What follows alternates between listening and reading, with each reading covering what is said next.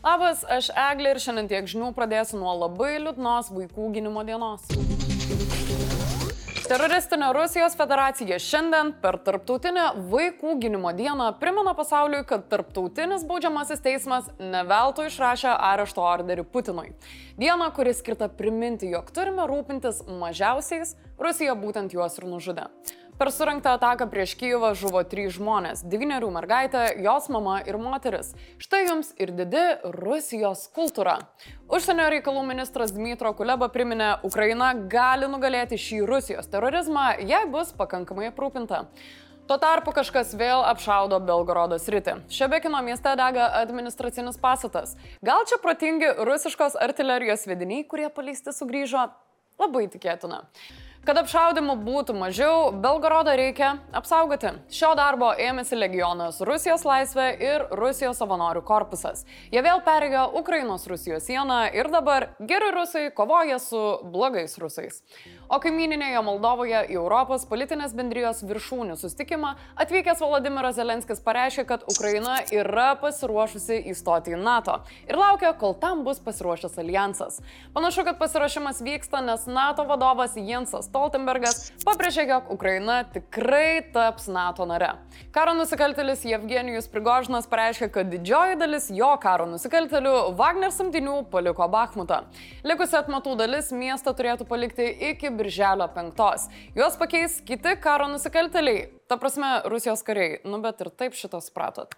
Kalbant apie šiukšlę prigožiną, Junktinės karalystės gynybos ministerija vertina, kad jo neigiami pasisakymai apie Rusijos valdžią drąsino opozicijos veikėjus Rusijoje mesti iššūkį Putinui. Savo kasdieninėje ataskaitoje ministerija nurodo, kad Rusijos politikas Borisas Nadeždinas NTV kanale paragino kitais metais išrinkti naują prezidentą. Džiugu, kad tokių žmonių atsiranda, bet manau, iš anksto galime išreikšti užuojautą Boriso šeimai. Gaila, kad kad toks politikas iškrito pro langą, ar mirė nuo širdies smūgio, ar išgėrė surūgusios arbatos. Žmogaus megafono nuotikiai ir bėdos tęsiasi. Šiandien Seimas balsavo, ar pradėti apkaltą parlamentarui Petrui Gražuliui ir kreiptis į Konstitucinį teismą išvados dėl šio proceso pagristumo. Nuspręsta, kad pagrindo tikrai yra ir verta bandyti iš parlamento išmesti šį chaoso kelėją. Už 55 prieš 26 susilaikė 12. Prieš balsavimą Širinskinė piktinosi, kad dėl Seimo narių neapsisprendimo.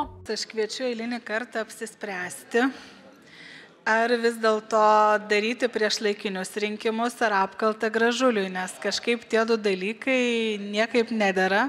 Seimo narys Linas Lušnys sakė, kad jei taip nutiktų, kad Seimas pasileistų, tai gražulis tokiu būdu gautų laimingą loterijos bilietą.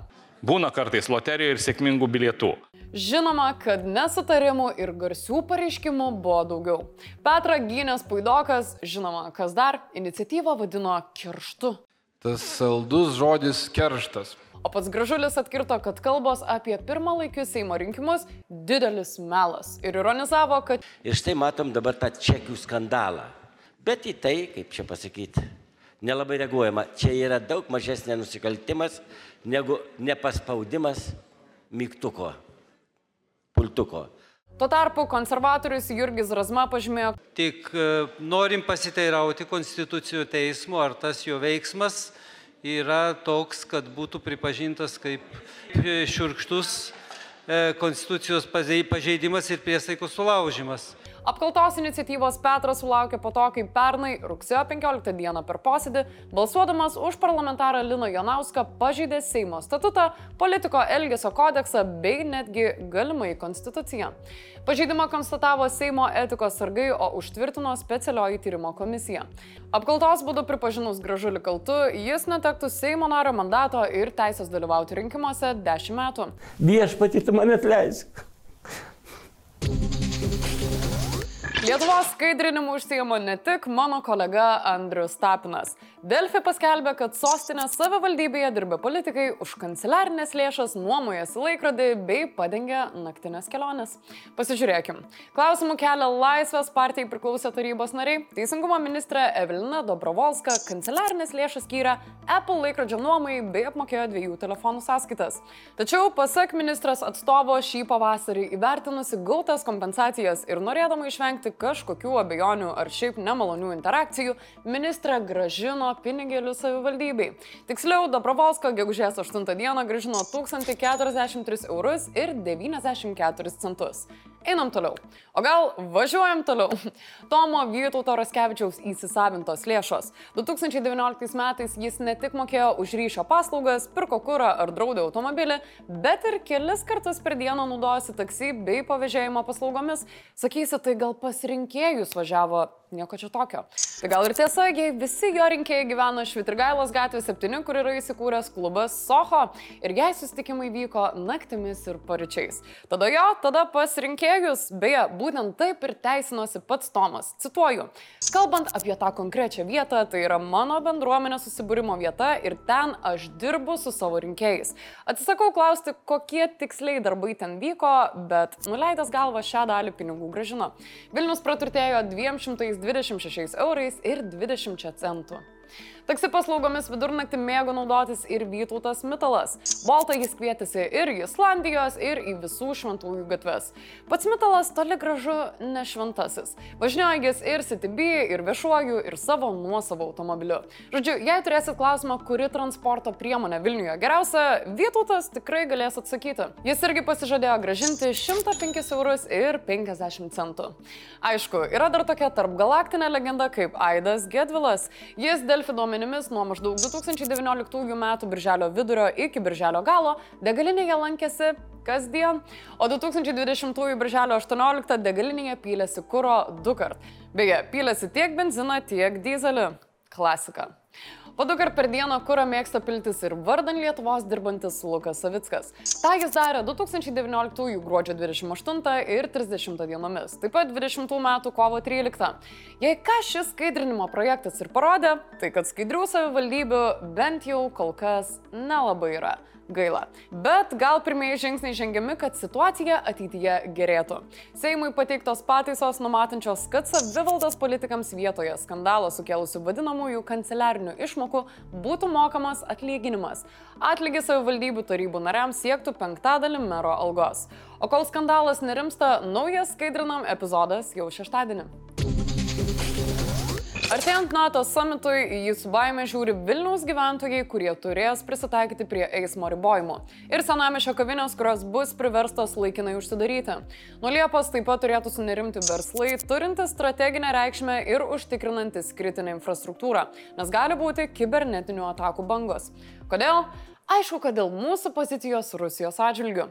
Atakų padaugėjo jau dabar. Šių dienų įvykiai galbūt panašus į praeitą vasarą kai praeitą vasarą Lietuva buvo labai intensyviai atakuojama būtent dėl savo aiškios pozicijos Ukrainos karo atžvilgių. Tai dabar panašu, kad antra banga. Ir dar padaugės prieš viršūnių sustikimą, nes rusams reikės kažkaip bandyti mūsų kompromituoti pasaulinėme lygyje. Iš esmės laukiam labai didelių atakų, manom, kad iš nedraugiškų šalių. Įmonės savimi turi pasirūpinti pačios, o NATO sustikimo metu saugiu interneto ryšiu rūpinsis Telija. Apskritai šiemet kibernetinių atakų mažiau, bet ne todėl, kad rusų širdelės sušila organizacijos e, ėmėsi priemonių ir priemonės panašu, kad e, duoda visai neblogų rezultatų vaisių. Per 2022 metus Lietuvoje fiksuota daugiau nei 4000 kibernetinių atakų. Pirmąjį šių metų ketvirtį fiksuota apie 600 kibernetinių incidentų. Virusai arba kinkimo programinė įranga su tikslu pavokti informaciją ar užvaldytą darbo stotį ar kompiuterį ar telefoną įtraukti į botnetus, jau vykdyti kitą nusikalstamą veiklą kibernetinėje erdvėje. Beje, nusikaltėliai mato, kad saugos sistemos ir architektūros procesai gerėja, dėl taikomasi į žmogų, jį viliojant į situaciją, kad jis paspaustų ant kenksmingos nuorodos. Tai noriu pasakyti, kad silpnoji grandis esate jūs.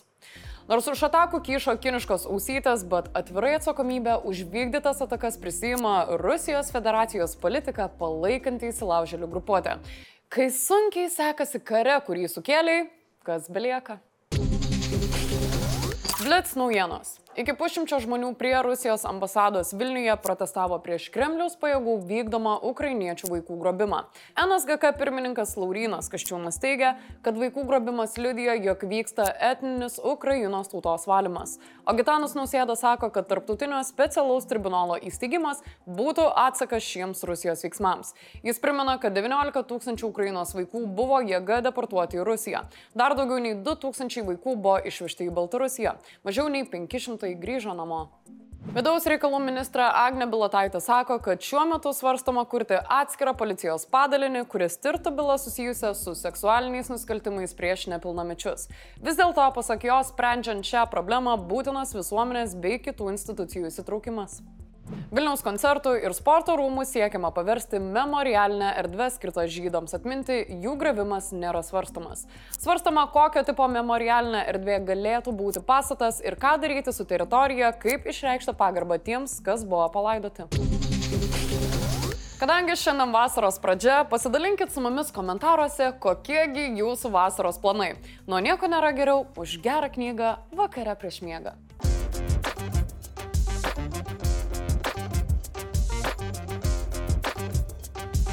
Komentarų metas. Zakiris sako, kad norėtų pamatyti mūsų televizijoje laidą, kurioje Skirmantas Malinauskas pakalbėtų su Andrum Tapinu apie Viadą ir neatsakytus klausimus.